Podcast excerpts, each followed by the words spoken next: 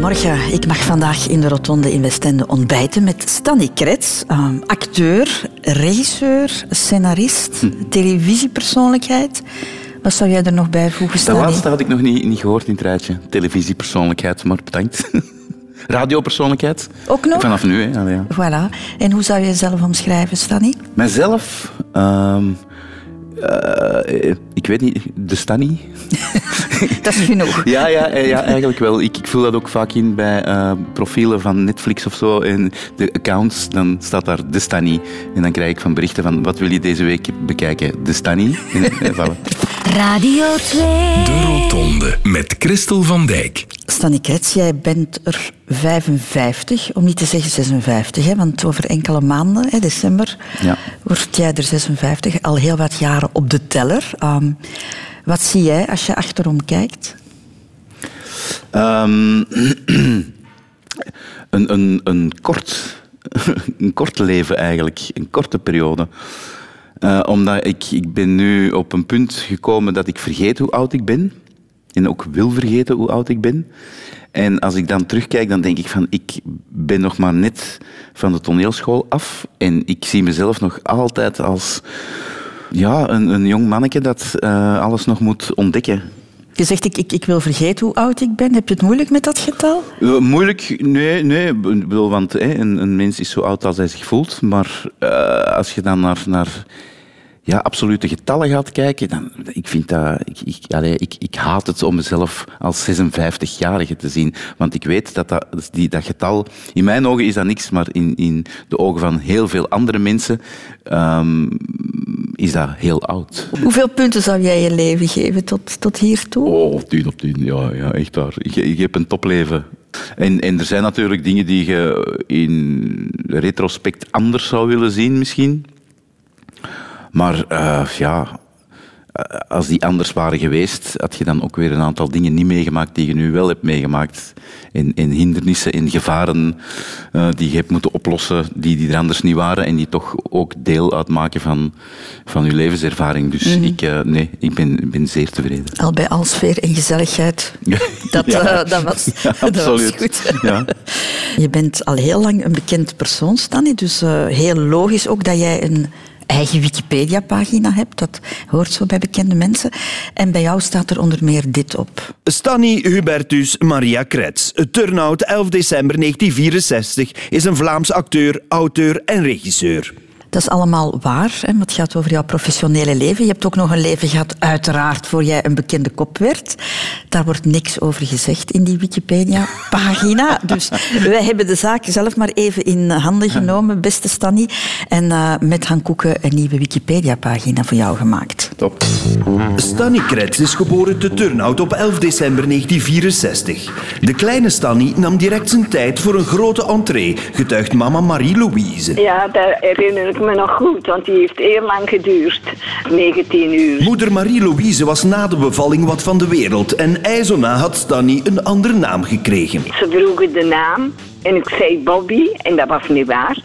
Maar we hadden eerst altijd over een Bobby gesproken. En toen zei ik, uh, oh nee, nee, geen Bobby, hè. Uh, een Stanny. Tante Juliana, de zus van moeder Marie-Louise, had al snel door dat er in de kleine Stanny een acteur verscholen zat. Wat er niet te doen was, hij was altijd verkleed. Hij was er als eerste bij. En naast zijn visuele transformaties blonk Stanny ook snel uit op verbaal vlak. Herinnert zijn oud-leraar uit het vierde studiejaar, André van Mechelen zich. En ik merkte dat dus bij het maken van opstelletjes, merkte ik dat.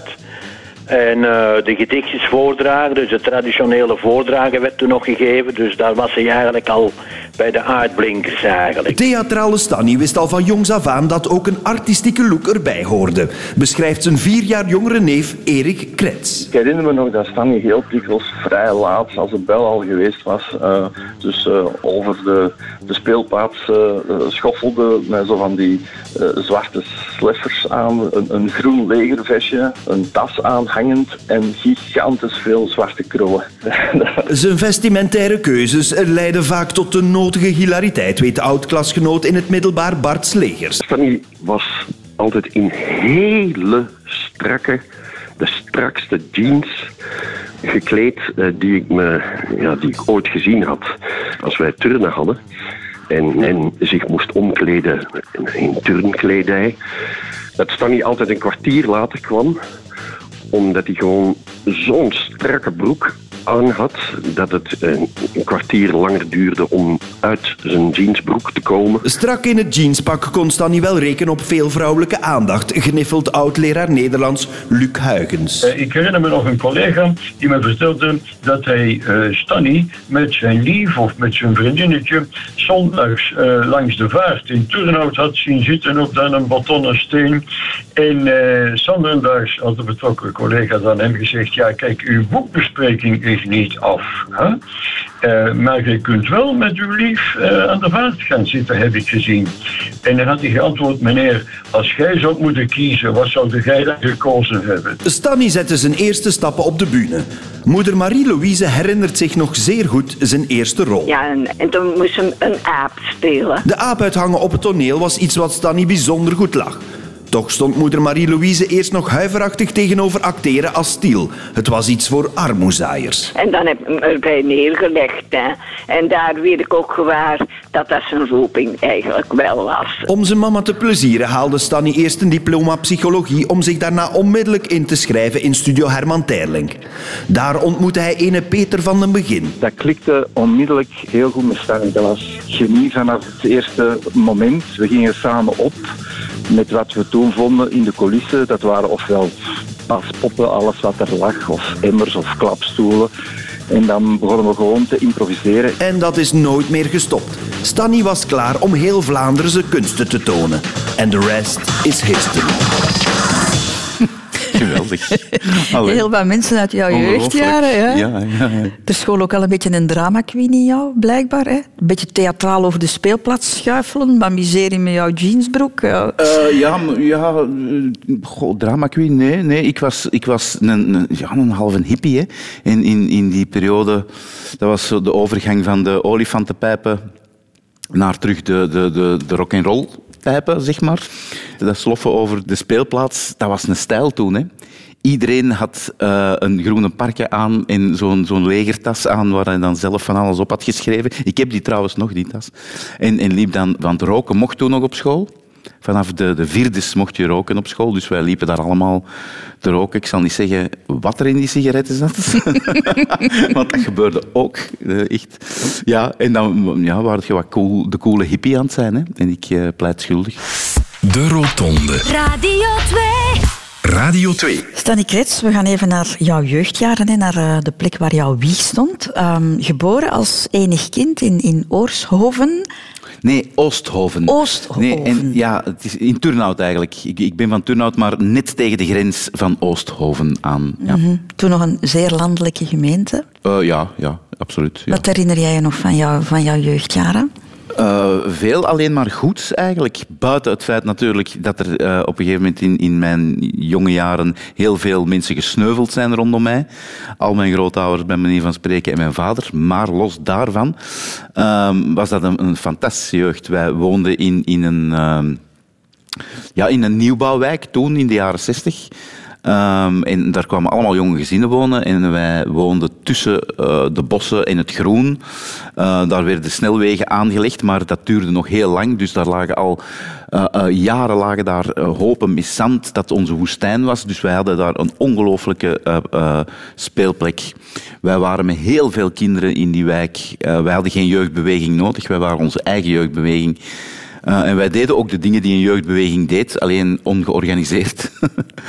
dus dat was, dat was een fantastische tijd. Ja, tot je, mijn... je hebt geen broers of zussen gemist Nee, eigenlijk. nee, nee, nee, nee, nee. Wij waren mekaars broers en zussen. Wij werden ook opgevangen als er een, een ouder moest werken of niet thuis was.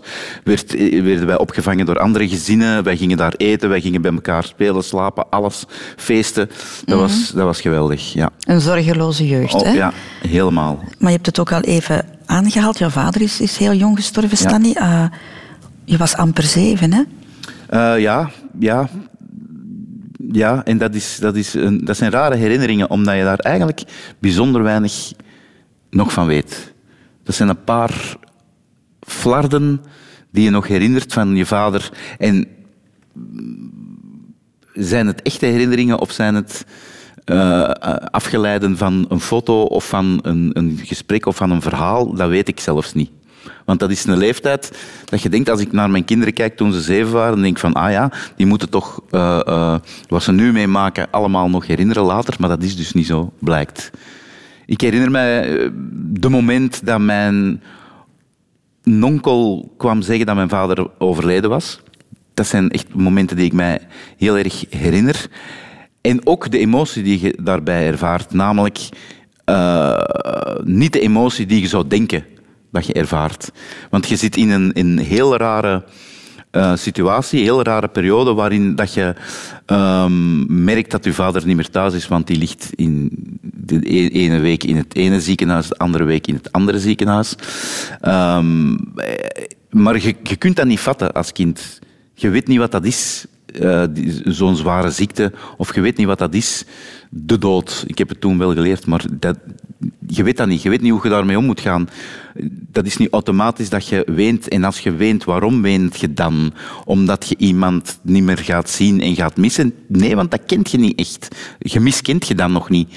Dus dat was iets heel, heel raar. En ik weet nog dat mijn onkel zei, ja, uh, Stanny, uw, uw papa, is, uh, papa is naar de hemel. Dat waren de woorden. Um, dat ik dacht van, ja, of niet in die woorden, maar dat ik wist van, dat zat er natuurlijk wel aan te komen. Als je negen maanden in het ziekenhuis ligt en door morfine wordt platgespoten. Dus ik wist wel dat dat ging gebeuren. En ik weet nog dat ik bij mijn neef, die we daar straks aan het woord hebben gehoord, aan het spelen was. Uh, en, en ja, dat, dat spelen gewoon verder ging uiteindelijk. Jouw vader is gestorven aan, aan longkanker. Werd dat woord uitgesproken? Kanker? Ja, ik denk dat wel. Ja. denk dat wel. Ja, ik heb, ik heb toch altijd geweten wat het was. Het is niet dat ik pas op latere leeftijd erachter ben gekomen, ah, het was dat of... Nee, nee dat, is altijd wel duidelijk geweest. Mhm. Je hebt er heel weinig herinneringen aan, zeg je, aan, jouw vader. Maar ben je er dan op een of andere manier niet naar op zoek gegaan? Via verhalen van jouw moeder of, of van jouw tante? Van familie? Ja, ik, ik, ik, ik, ik, ik, weet niet, ik, heb, ik weet eigenlijk niet wie mijn vader is. Ik heb het, het de eerste moment dat ik um, daar ook emotioneel over ben geworden, die herinner ik, dat, dat, moment herinner ik mij ook nog. Dat was op een vakantie, ik denk dat ik toen al 18 of 20 was, en dat ik op vakantie was en ergens zat op een terras en ineens sloeg dat keihard binnen van uh, ik heb geen vader. Dat is raar. En eh, ik weet ook niet wat dat is, een vader hebben. En ik weet ook niet... En dat, ik, ik weet dat nog, dat, dat trof mij echt zo oh, midscheeps. Um, en om de zoveel tijd komt dat nog eens terug. Zo, zo dat besef van, ah, damn. Maar ik... ik Nee, ik, ik, ken... Ja, ik, ik, ken... Mijn onkels hebben wel dingen verteld van hoe mijn vader was. Dus ik heb wel een beeld van, van wat voor soort mens dat hij moet geweest zijn. Maar... maar ja, laat ons zeggen dat, dat uh, wij niet echt praters zijn in de familie. Dus dat, dat, dat is niet de exuberante verhalen of de, de gedetailleerde verhalen. Die zijn nooit echt tot mij gekomen. Nee, nee, ik weet dan niet echt wie die man dan was. En ik fantaseer soms wel eens um, dat, dat mijn vader dat die is of was zoals ik ben. En dan denk ik van, ah, dat is goed. Ja. Ja, ja, ja. Had je het gevoel dat je flinker moest zijn dan een, dan een ander kind van, van zeven jaar? Ik weet het eigenlijk niet. Um... Want je was alleen met jouw moeder? Ja, ik was alleen met mijn moeder, dus ik werd automatisch de man thuis, zullen we maar zeggen. En voor de rest, goh, ja, Nee, ik, denk, ik, heb, ik kreeg niet meer verantwoordelijkheden of zo. Er was ook niemand om verantwoordelijk voor te zijn natuurlijk, want er waren geen broers of zussen of, of waar ik zou voor moeten zorgen. Dus ik was gewoon alleen met mijn moeder. Um, maar, maar ja, ik bedoel, ik heb net verteld over die on, onbezorgde jeugd. Dus um, ik werd tot op een bepaalde leeftijd dan nogal vrijgelaten in de buurt waar wij woonden. Daar kon alles wel en zo. Dus ja, ik, ik, van verantwoordelijkheden heb ik niet echt gekregen. Ik heb het nooit ervaren als, als een druk of zoiets van dat ik nu plots... Nu, natuurlijk moet je je moeder af en toe wel opvangen, natuurlijk, hè, want zij heeft maar één klankbord. En dat ben ik, of dat was ik dan. Dus ik heb natuurlijk wel, wel ja, verhalen en, en dingen meegemaakt die normaal, een normale uh, vrouw van haar leeftijd dan zou vertellen tegen haar man en die dan bij mij terechtkwamen. Dus ja, dat, ja, dat, dat maakt je sneller volwassen, denk ik. Misschien, ik weet het niet. Op je zeventiende, Stanny Krets, ehm, ga jij het huis uit. Om te studeren, hè? voor alle duidelijkheid wel. Hè? Jij, jij beslist om op kot te gaan in Antwerpen. Eh, ja, ja, ik moest. ehm, kijk, er zaten ehm, twee Barten naast mij in de klas. Enerzijds was dat Bart Slegers, die hebben we ook al gehoord. En de andere kant was Bart van Mechelen. En Bart Slegers ging toneelschool doen. En dat wou ik ook heel erg graag. En Bart van Mechelen, die ging ehm, psychologie studeren. Wat mij ook wel interesseerde, maar mijn, mijn, mijn voorkeur ging uiteraard uit naar toneel. Maar dat mocht dus niet van ehm, mijn moeder. En dan dacht ik van, ja, ik wil hier toch weg uit Turnhout. Ja, waarom eigenlijk? Werd dat te Ja, nee, omdat, omdat mijn, mijn klasgenoten naar Antwerpen gingen. En ik dacht van, ja, ik ga hier niet alleen achterblijven. Ik, ik moet mee. Ik, eh, dus dus eh, dan, dan heb ik gekozen voor psychologie. Ik dacht van, oké, dan doe ik, doe ik dat. En dan ga ik eerst dat diploma halen. Om vervolgens over te schakelen op de toneelschool. Ja, en ik was weg. En als ik dat nu bekijk, dan denk ik van, god, 17 om, om naar de, de, de Koekenstad te gaan, is toch wel jong. Ik weet nog mijn eerste nacht op kot dat ik echt geblet heb. Is waar? Ja, ik dacht zo echt van, wat doe ik hier? Wat doe ik hier? Eh, Ik, ben nu hier alleen. En die- Maar ja, dat gaat rap over. Hè. Dat is eh, ge- geleerd de cafés kennen. en, en andere vertier. En dat was, eh, dat was snel over. Is, is, is dat gemakkelijk gegaan? Want jij, jij, jij was alleen met jouw moeder. Hè? Als jij wegging, op, op kot ging, was zij ook heel, helemaal alleen. Was, Ja. was dat makkelijk? Dat, om- dat weet ik niet voor haar. Ah, wel, daar heb ik nooit met haar over gehad. Of hoe, hoe moeilijk dat, dat was eh, om, om mij los te laten of in, alleen achter te blijven eigenlijk. Maar ik was niet weg, weg natuurlijk. Ik kwam elke vrijdagavond eh, thuis en ging zondagavond met jouw vuile was. terug ja, in mijn vuile was brengen en, eh, en eten. En mijn moeder kookte echt voor heel de week. Hè. Ik sleurde echt zakken met tupperware-dozen mee naar Antwerpen, vol mee. En, ja. Dus ik weet niet of die allemaal nog vers was tegen vrijdags, maar ik had het wel allemaal op. Je hebt al over die studiekeuze gehad. Hè. Eigenlijk wilde jij naar de toneelschool gaan, maar je hebt dan toch gekozen voor, voor psychologie, omdat je niet mocht. Hè? Ja. Ja, nee, ja. ja. Mijn moeder ging ervan uit dat eh, acteurs eh armoedzaaiers eh, waren en, dat ik vroeg of laat in de goot terecht zou komen. Dus ik moest een diploma hebben. En zij dacht daarbij van, ja, dat is drie jaar. Dat was assistent in de psychologie, dat duurde drie jaar. En ze dacht van, ja, eens die drie jaar voorbij zijn, zal hij wel geen zin meer hebben om nog iets te gaan studeren. Maar ja, dat was dan buiten mijzelf gerekend. Maar je Ehm, hebt wel eerst haar, haar, eh, ik heb dat haar, diploma haar, gevolgd. Ja, hoe, hoe, hoe komt dat, dat je toen zo meegaand was? Ja, meegaand. Er viel op dat moment... Ja, maar ik was 17, dus... Ik bedoel, je kunt ehm rebels zijn, maar op dat moment ja, heb je natuurlijk ook niet de financiële middelen om rebels te zijn. En, en ik was niet zoiets van, eh, ik, ik loop weg thuis en ik laat... eh, Nee, dat, dat was het ook niet. Maar zijn daar ruzies over geweest? Of is dat dan... Oh man, je wil het niet weten. Ehm, ja, ja, tuurlijk. Heel veel ruzies. Zo. Ehm, mijn moeder aanvaarde wel dat ik naar de toneelschool ging. Maar eens dat ik daar zat, had ze nog weinig grip. Ik was dan ook al ineens drie jaar ouder, dus ik was twintig. En... ehm, ze had eh, geen greep meer op mij en ook niet op wat er in Antwerpen gebeurde natuurlijk. En ehm, ja, ik had, ik had een lief, maar dat lief was al snel mijn lief niet meer toen de toneelschool begon. En dus dat, dat was niet echt, ehm, daar zat mijn moeder niet echt op te wachten, want die vond dat eigenlijk wel een goede keuze van mij toen. Eh, dat lief dan. Ehm, en, en ja, ze wist dan ook wel dat het, het nachtleven in Antwerpen, dat dat toch ook niet was. Ik ga eens wandelen langs de Schelde. Hè. En, en zo was het ook niet, niet eens mee, met bepaalde keuzes. Ik, ik moest op een gegeven moment mijn haar laten afscheren voor een of andere rol. En ze snapte niet dat ik dat deed. En heeft ze weken niet met mij gesproken, omdat ik dat had gedaan. En dus, maar uiteindelijk eh, is ze, is ze wel, wel, wel bijgedraaid en heeft ze gezien dat dat effectief was wat ik wou. En bedoel, dat ik mijn boterham ermee Mhm. kon verdienen. Maar heb jij daar die drie jaar eh, op die school gezeten, die psychologie Ja. gestudeerd, drie jaar met in jouw kop van ik maak Ja. dit hier gewoon af en dan ga ik toch uiteindelijk mijn eigen zin doen? Ja. Ik heb ook, dat, toen ik psychologie deed, eh, elk vak dat wij deden, waar het maar mogelijk was om dat af te buigen naar iets wat met toneel te maken had. Ik heb mijn scriptie daarover geschreven. Uh, uit mijn duim gezogen, moet ik eerlijk zeggen. Um, en, en elk vak dat... Van, ik weet niet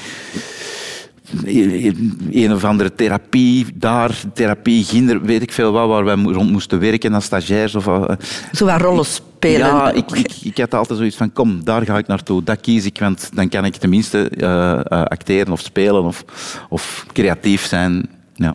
Zijn dat drie verloren jaren geweest? Nee, nee, nee, nee, want ik zie dat nog altijd als, als een, een, een soort rijpingsproces om naar de toneelschool te kunnen gaan.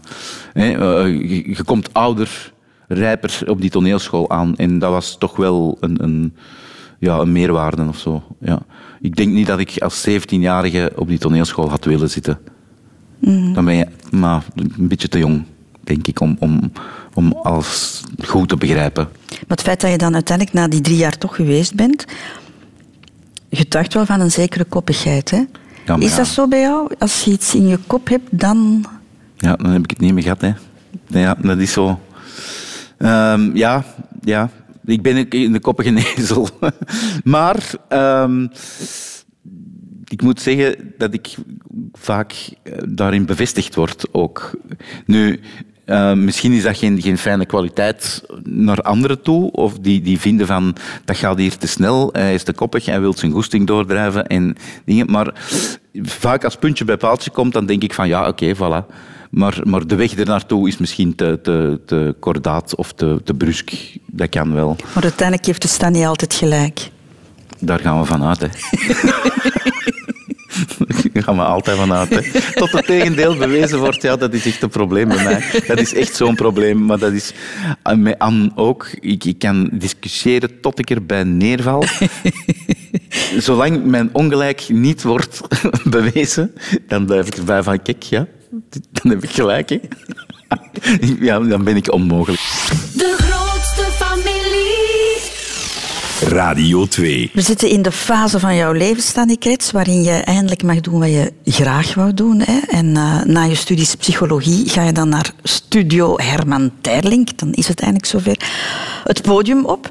Nochtans, ik... Uh, jouw moeder heeft ons gezegd aan de telefoon dat jij als kind wel vrij verlegen was. Klopt dat? Klopt. Ja, ik, ik was um, heel rap geïntimideerd door alle, allerlei sociale omstandigheden. Ik, ik, uh, ik wist niet hoe dat ik mij moest gedragen tegenover... Of in groepen, of, of tegenover volwassenen die ik niet kende. Ik was echt geen sociaal kind, denk ik. Ook niet asociaal, hè? zeker niet, maar, maar verlegen, ja, verlegen en, bang in bepaalde situaties. En dat heb ik nog altijd. Um, totdat ik mij daarover zet. Dus dat heb ik ondertussen wel geleerd om, om een, een, een klik te maken die, die, ja, die er komaf mee maakt. Mee, met, uh, maar ik heb dat altijd gehad. Ja, wegkruipen achter moeders rokken. Um, blozen, heel snel blozen. Heel snel de tranen in mijn ogen krijgen. Zo van, ja. En, en, en ik zie dat nu bij mijn kinderen ook in, in bepaalde omstandigheden, dat die dat juist hetzelfde hebben. Zo kom je wel niet over, hè? komt eerder over als een ja, uh, een beetje macho misschien. Zo macho, ja, ik weet, ja. Ik weet, dat weet ik niet. Dat was een macho. Ja, nee, maar... Uh, maar ik heb dat nog altijd. Ik, ik, als ik in een nieuw gezelschap kom, dan heb ik altijd zoiets van... Ja, oké, okay, dat duurt toch even hier, dat ik op mijn gemak ben. Of, of, ja. Dus je was niet het kind dat ze op familiefeest op een stoel zetten om, om nope. iets op te voeren? Nee, zeker niet. Nee, nee, nee, nee, nee. Maar je had er wel talent voor, want dat zei jouw leraar. We hebben dat, dat daarnet gehoord.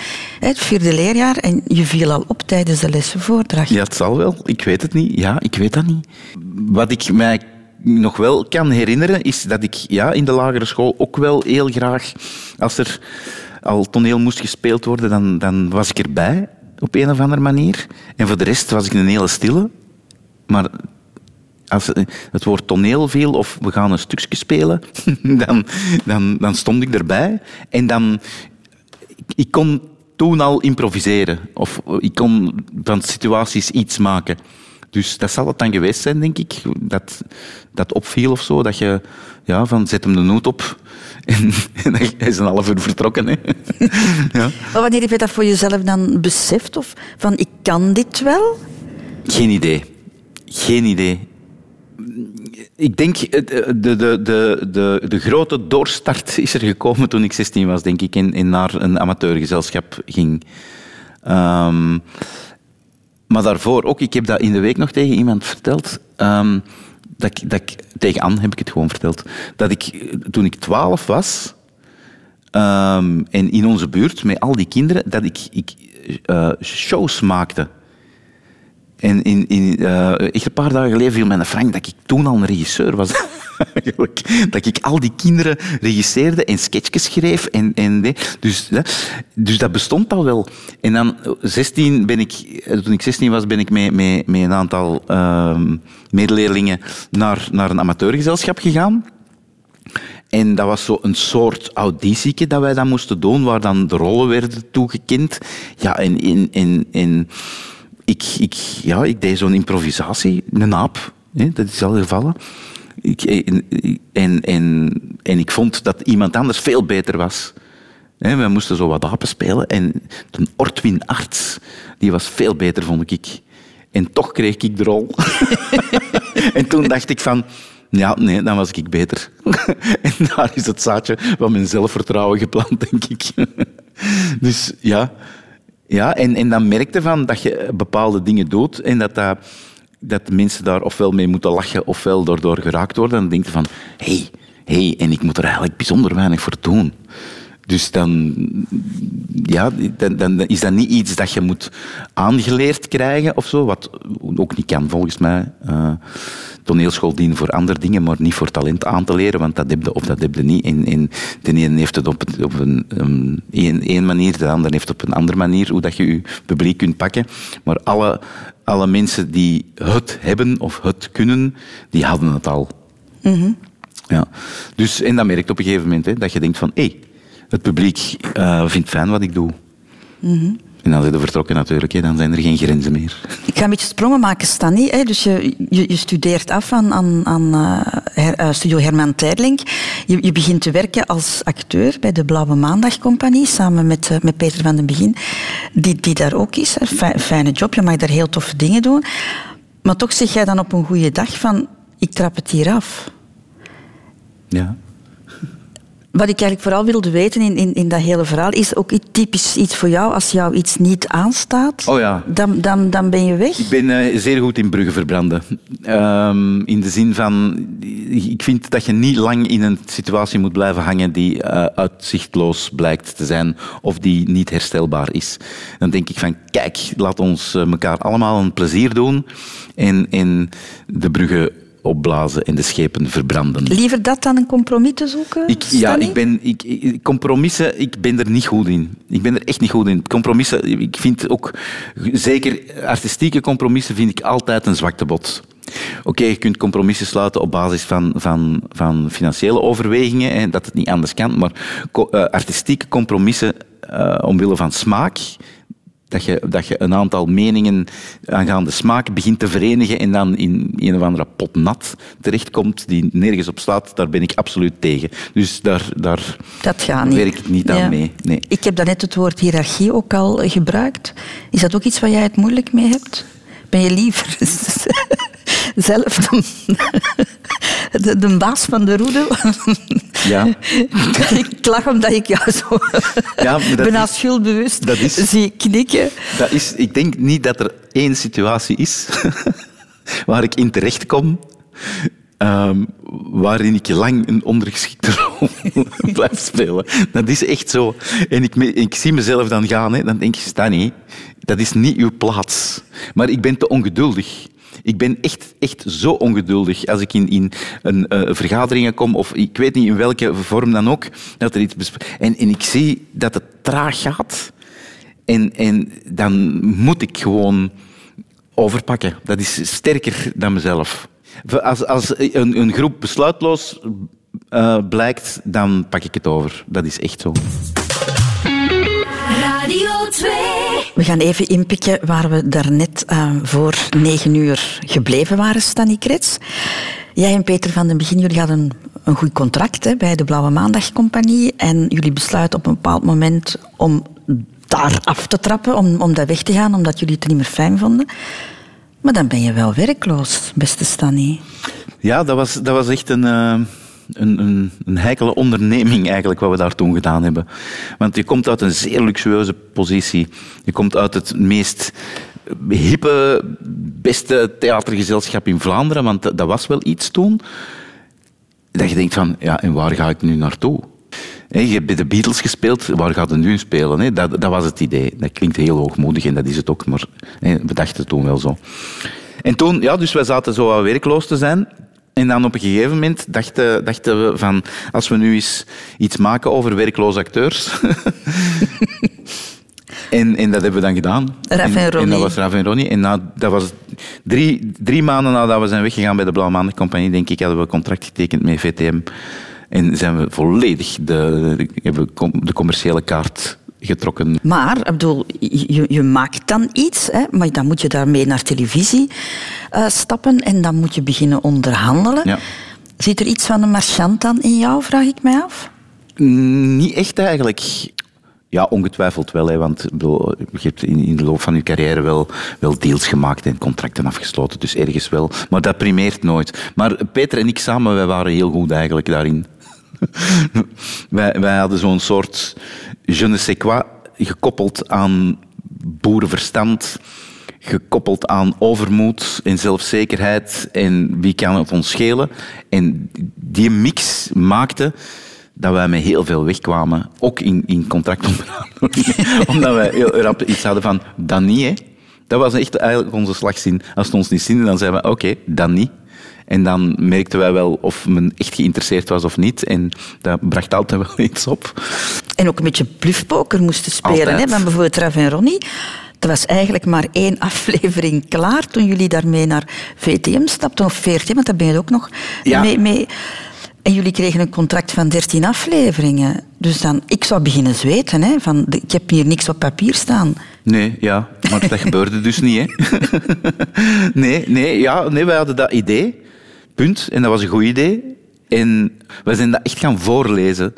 Eh, wij, de toenmalige eh, programmadirecteuren, Klaus van Isakker en Guy Helze, denk ik. Eh, ja. Wij hadden zoiets van, ja, wij, wij doen niet aan pitchen.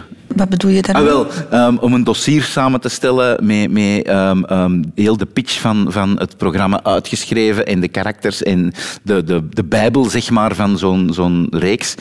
Eh, hadden we zoiets van, dat doen we niet, dat doen we niet. Bestelt wat eten en we komen dat voorlezen. en dat hebben wij ook gedaan. Zo van, wij hebben gegeten met die mannen en eh, we hebben dan gezegd van, we zullen het nu eens lezen. En wij hebben de eerste aflevering gewoon, Peter en ik hebben dat gelezen. En die mannen moesten keihard lachen. En die hebben zoiets van, oké, sold. dat is nu ondenkbaar. Dat Ja. is echt allemaal ondenkbaar. Ben jij op je beste, Stanny, als het spannend wordt? Ja, ik kan niet op voorhand werken. Nu ook, met heel, heel het eh, eh, corona-lockdown gegeven. Ik had veel kunnen doen die zes maanden. Ik had echt heel veel op voorhand kunnen doen voor de periode die nu gaat komen. En ik heb het niet gedaan. En nu zit ik met de gepakken peren dat ik nu eigenlijk heel veel werk heb. Maar zo werkt dat, zo heeft dat altijd al gewerkt bij mij. Dus ik ben er nogal vrij gerust in eigenlijk. Ben je de dingen ook snel beu? Eh, je hebt Raf en Ronnie wel een tijdje gedaan, maar eigenlijk was je het na één seizoen, na dertien afleveringen, had je het eigenlijk al gezien, hè? Ja, heel snel alles beu. Omdat er zoveel gedaan dient te worden. Nee? ja, er moet zoveel gebeuren. En dan denk ik van, oké, dat kunnen we weer al afvinken. En met Rav en Ronnie was dat zo van... Peter en ik, wij vonden onze, de eerste reeks die we gemaakt hadden, vonden wij te conventioneel. Te, te, te, Te braaf. Te braaf ook, ja. En eh, we dachten van, kom, hier moet een bom opgesmeten worden. Ehm, die cameravoering moet anders, die verhalen moeten donkerder en duisterder. Zo de, de, de Lars von Trier in ons kwam naar boven. Wat natuurlijk niet echt eh, het beste is wat je kunt doen voor een sitcom op tv. Maar we hebben dat dan toch gedaan.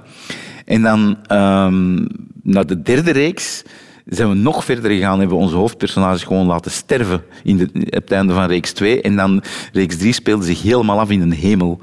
Dus dat was echt, echt pure commerciële zelfmoord ook. Als Raf en Ronnie, als wij braaf hadden gebleven binnen de lijntjes van het eerste seizoen, zeg maar, dan hadden wij, ik denk, tien seizoenen kunnen maken. En kunnen incashen. En dat hebben we niet gedaan omdat we, ik weet niet, te ongeduldig, te, te trots waren om, om in een stramien te blijven lopen en andere dingen wilden en zo. Dus En dan ontstaan Debbie en Nancy. Hè? Narav en, en Ja. Ronnie. Een groot pluimen in mijn gat gehalte. Ja, dat was, dat, maar dat was, eigenlijk is dat geboren uit een, een, een gemis. Ik, allee, laat ons zo zeggen, wij vonden alle talkshows die er waren toen ongelooflijk braaf. Dat was ook zo. Dat, dat was geen interactie tussen, tussen gasten en, en, en interviewer. En, ja, zoiets van, wat is dat voor een saaie nest toch altijd? Dus wij hadden twee personages in het leven geroepen, nieuwe presentatrices van VTM. Zo waren ze op een gegeven moment, eh, zijn ze geboren, en Nancy.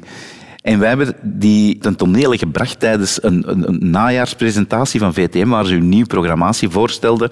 Hadden ze, eh, Erik Klaes, toen toenmalig directeur, had gevraagd, willen jullie iets doen? En wij zijn toen afgekomen met die twee eh typetjes. En die vond dat fantastisch. En nog diezelfde avond hebben wij gezegd van, als we daar nu eens een talkshow van maken. En ook dat was direct geklonken en getekend. Maar op een bepaald moment eh staan waren jij en Peter, ik spreek dan rond de eeuwwisseling, echt wel ongelooflijk groot op televisie.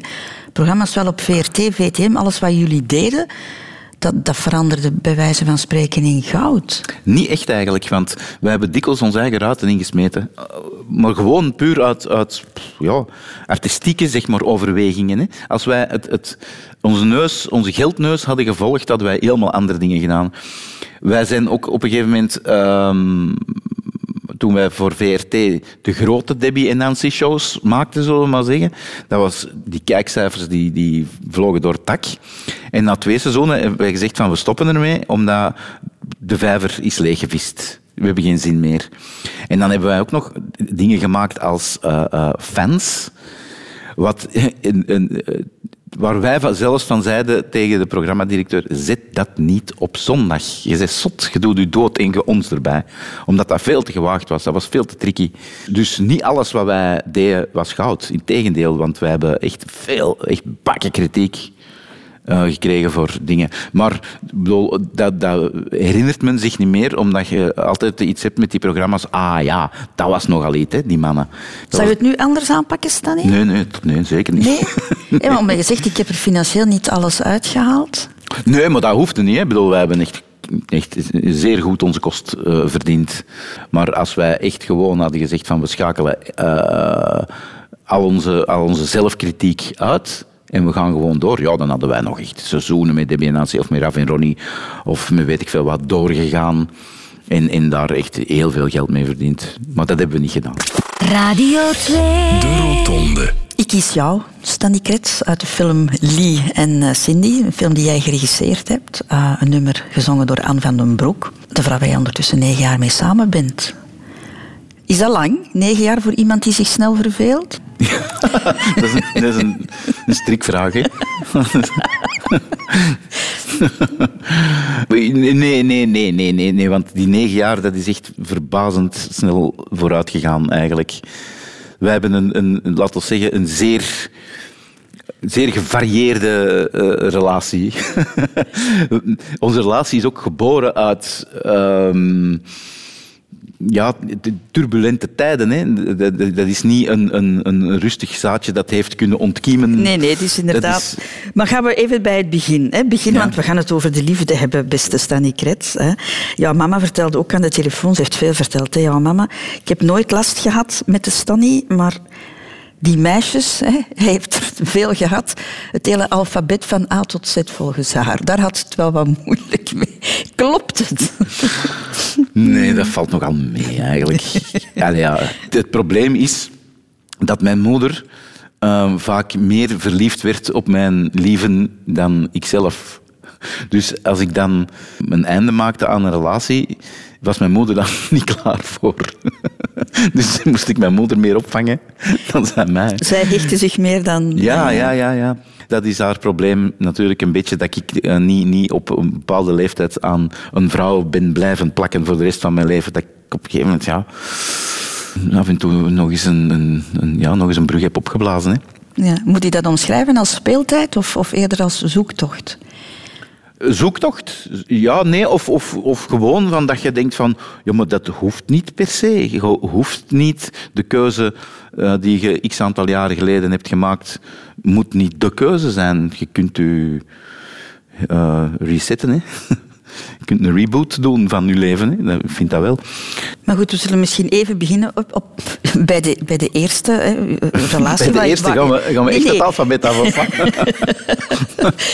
Nee, de, de, de, de- uiteindelijk zet jij, daar wil ik, wil ik, daar wil ik maar even eh, toe komen, beste Stanny. Hè, ehm, je zet heel laat de, de, de stap om, om echt te kiezen voor iemand. Hè. Op je 42ste trouw jij. Of druk ik mij nu verkeerd uit? Was het niet de eerste keer dat je koos? Nee, ja... Maar wel de eerste keer dat je een handtekening zette. Dat wel. Ja, en, ja. Nee, en ook een keuze om met iemand kinderen te hebben. Hè. Dus dat zijn belangrijke keuzes. Hoewel ik dus niet echt kinderen wou. En niet echt is dan nog mild uitgedrukt.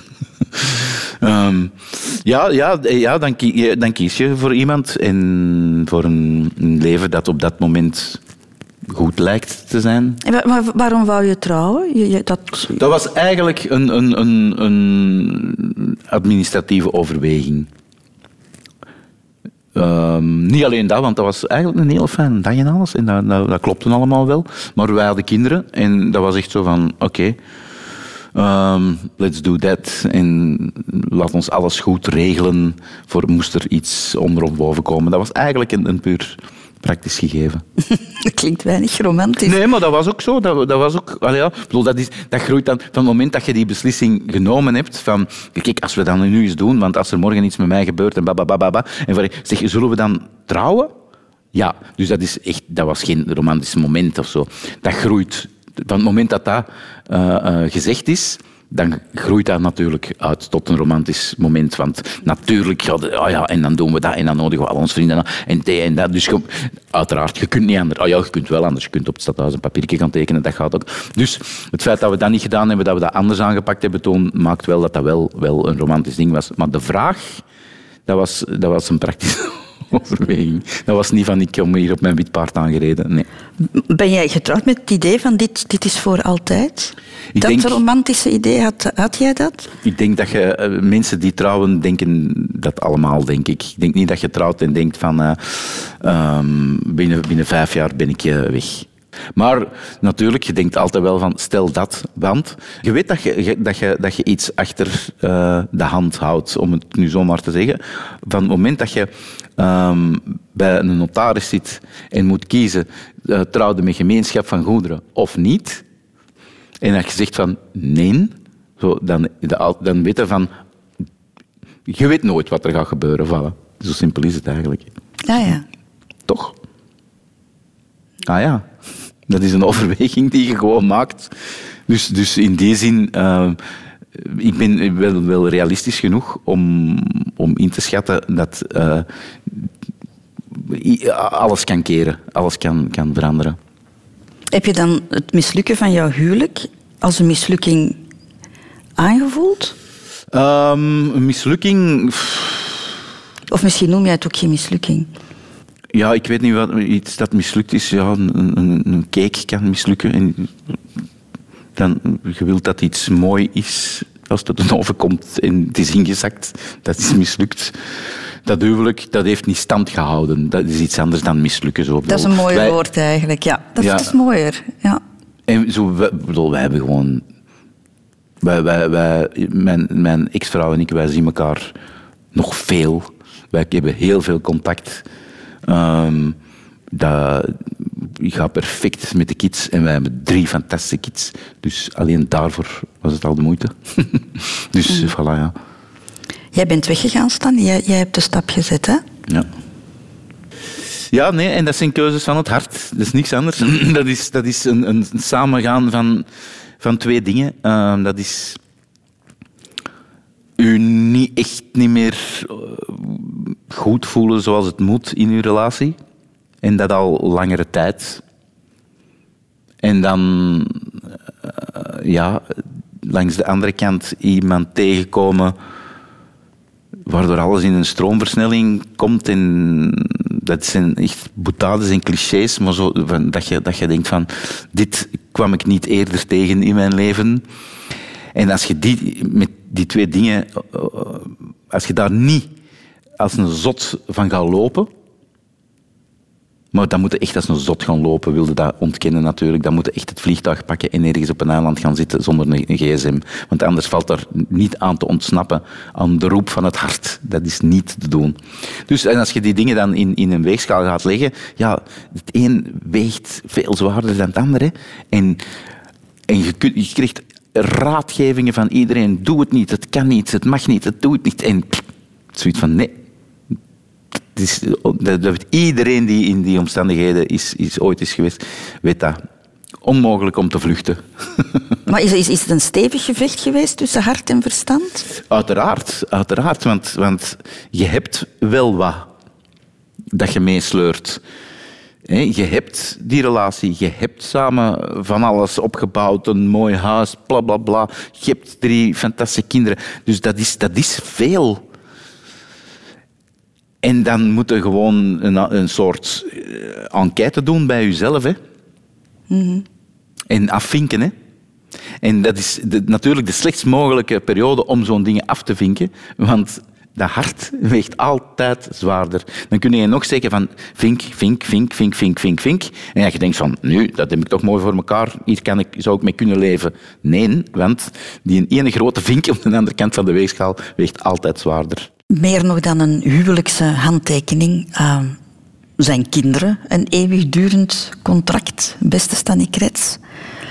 En jij hebt er drie, hè? Ja. Hoewel jij je perfect had kunnen voorstellen om kinderloos te blijven, toch? Nu niet meer. nu niet meer, maar toen wel. Ik bedoel, zolang dat er geen geboren was, had ik iets van... Nee, dit, dit, ik heb dit niet nodig. Uh, mijn leven is van mij en mij alleen en ik amuseer mij en ik wil nog heel veel avonturen beleven en kinderen die, die komen daar niet bij kijken. Maar, nooit, nooit? Toen was het nooit, ja, nooit, ja, ja, nooit, ik, nooit? Ik, ik, had geen kinderwens, totaal niet, totaal niet.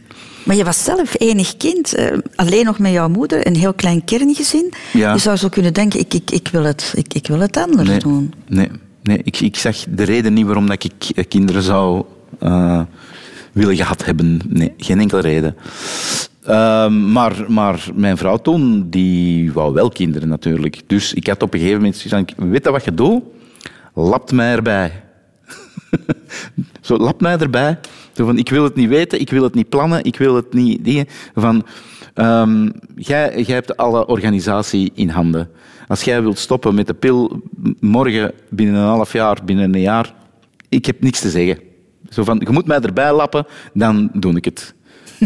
maar, maar, maar gepland niet. Ik ga niet gepland aan kinderen beginnen, want ik wil het eigenlijk niet.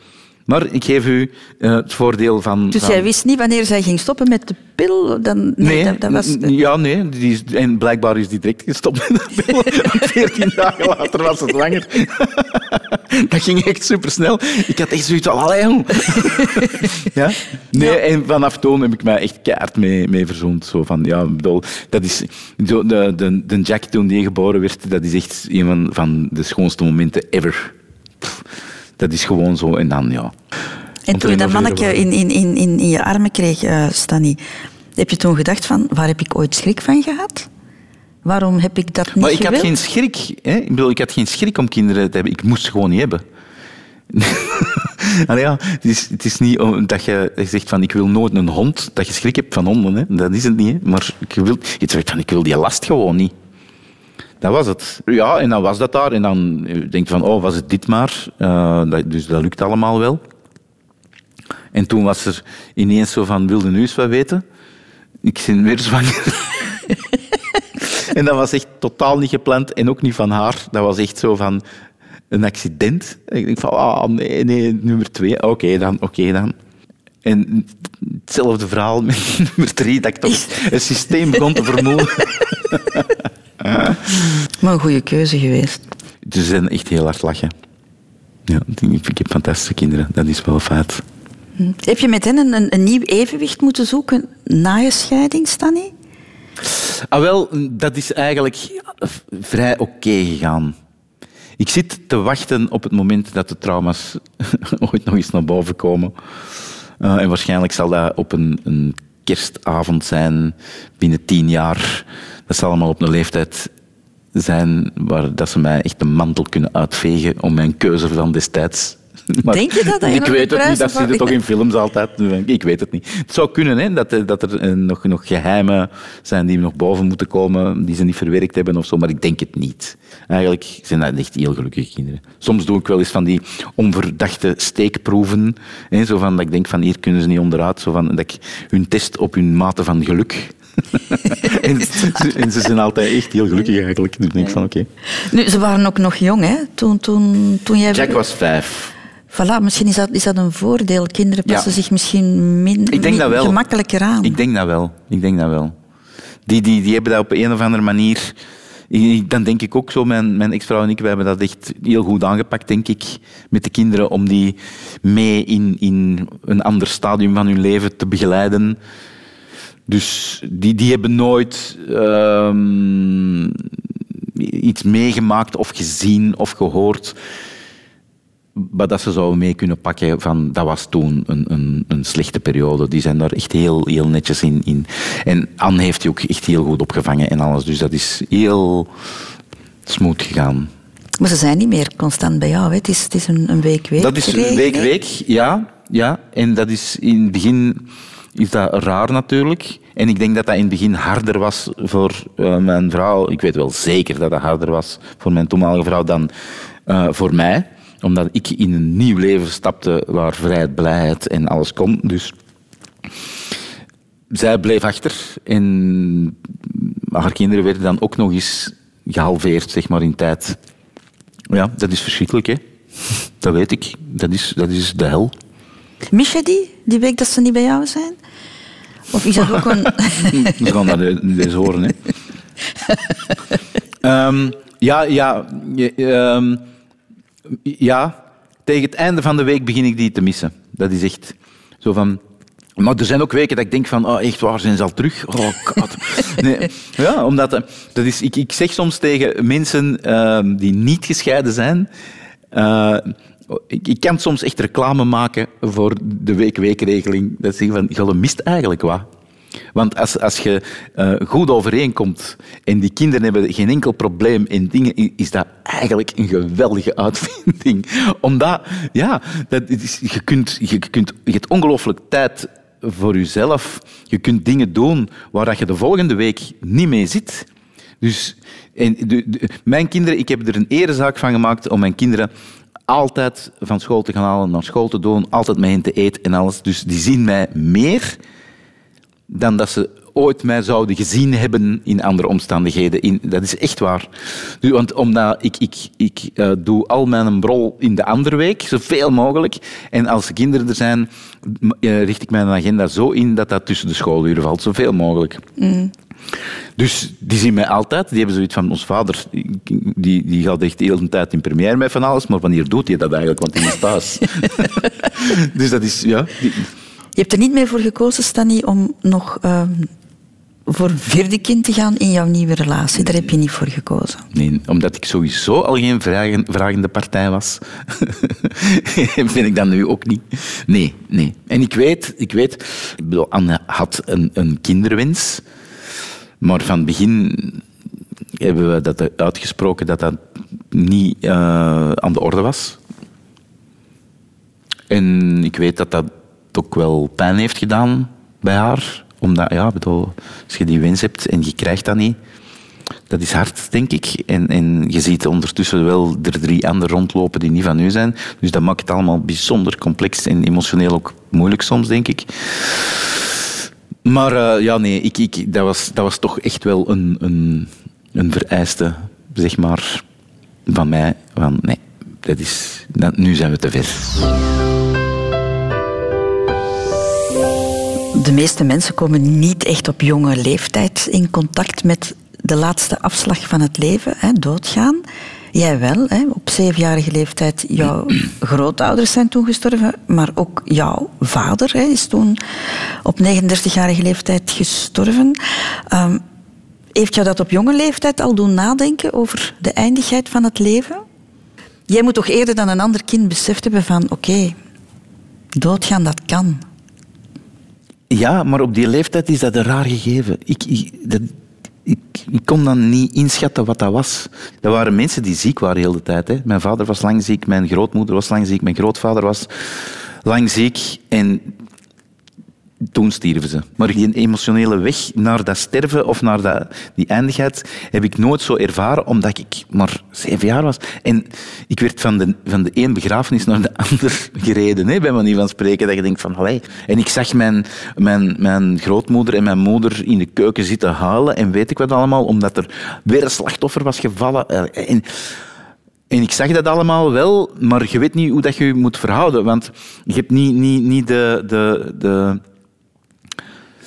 de slagvaardigheid om in gesprek te gaan met je moeder of met je grootmoeder. Je kunt niks toevoegen aan een gesprek of aan een troost. Je hebt die vaardigheden nog niet als manneke van zeven. Laat staan dat je daar kunt voor jezelf kunt over reflecteren van wat dat dan is, dat je mist. Die, dat, dat zijn zoveel emoties die je eigenlijk nog niet ontgonnen hebt en niet kent.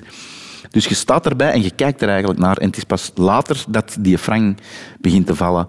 Maar wat er volgens mij wel gebeurd is in dat jaar... En dat, heb ik, dat is zo'n theorie die ik al langer eh, ehm, meedraag. Dat is dat ik toen op een of andere manier dat, dat verdriet gezien heb en gedacht van, dat gaat mij niet overkomen.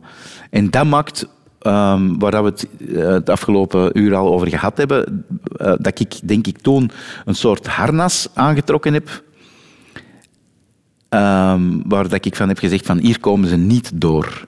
En waardoor dat ik in staat ben om al eens een brug op te blazen en al eens beslissingen te nemen en mezelf op te voeren als eh, leidersfiguur of weet ik veel wat, dat dat toen gebeurd is van, vanuit het grote, mij gaan ze niet hebben.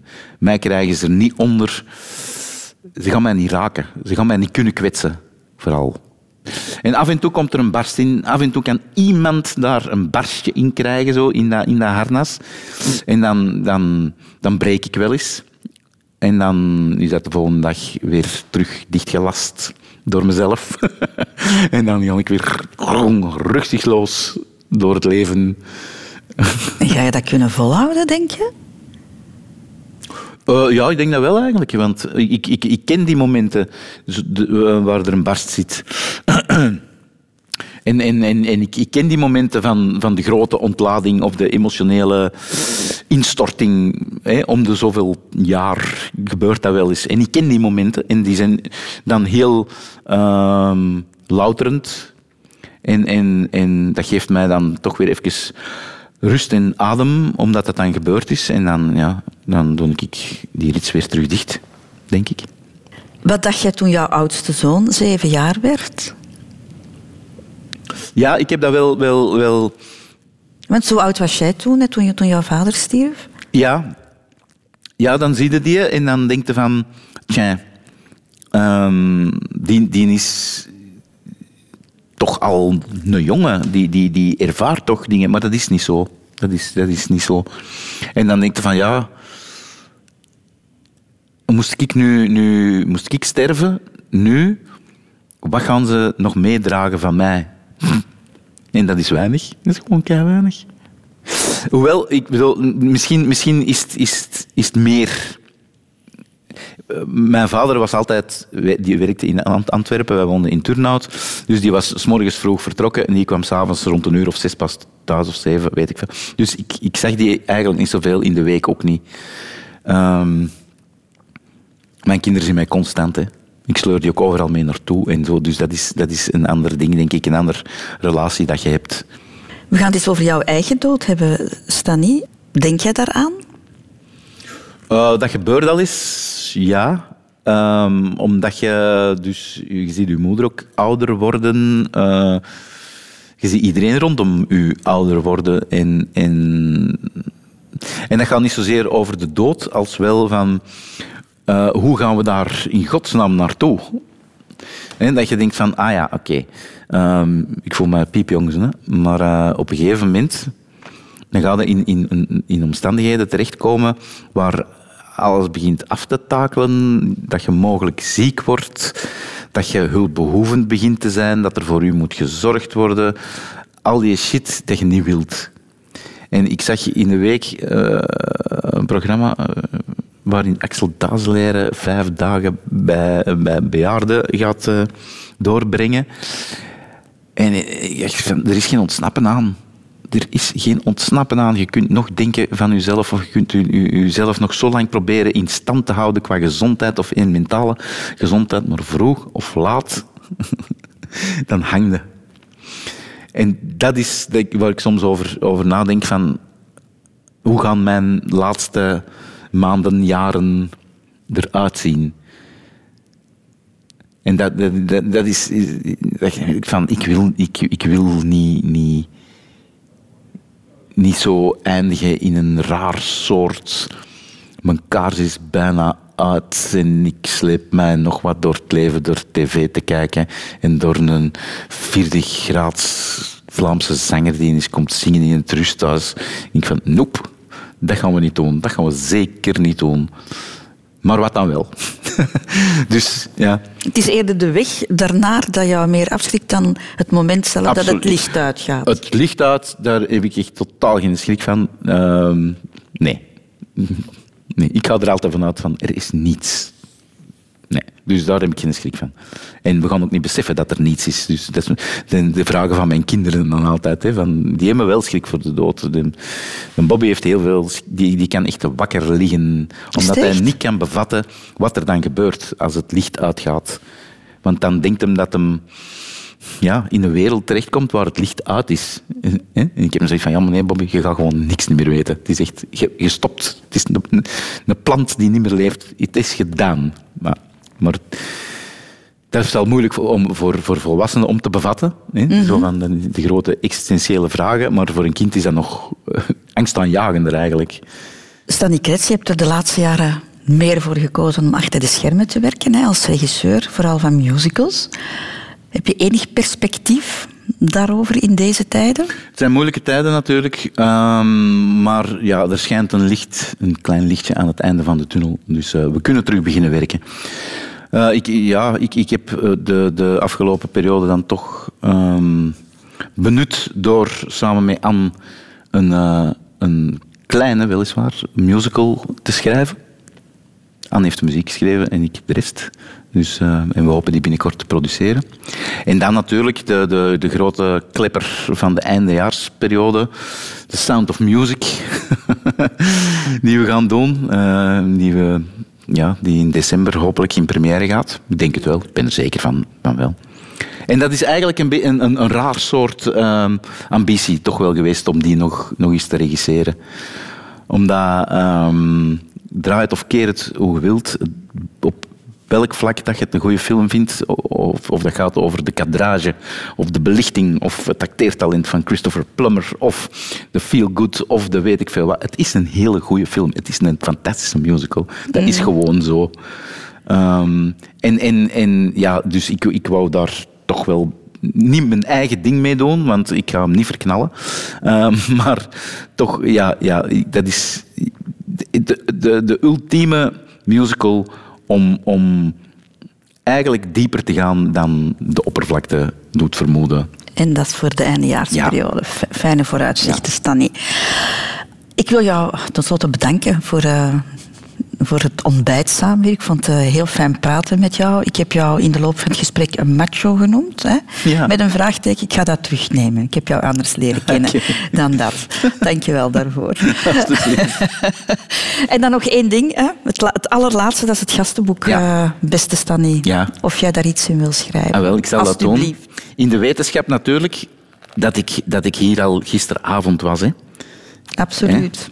En het is een lange avond geworden. Ja. het is nacht geworden. Ja. Ik zal eh, voorlezen wat ik heb geschreven. Hè. Ik kreeg een welkomst die ik niet voorzien had. Een avond met drie vrouwen die ik niet kende, maar waar ik wel half mijn leven tegen vertelde. Voorts werd ik verleid om tegen mijn tranen te vechten en te reflecteren over dingen die niet onmiddellijk aan de oppervlakte liggen. Ik hoorde mezelf theorieën verkondigen over mezelf die ik nog niet kende en zweer plechtig dat ik sommige daarvan ook in het werkelijke leven zal toepassen. Dank je wel. De Stanie.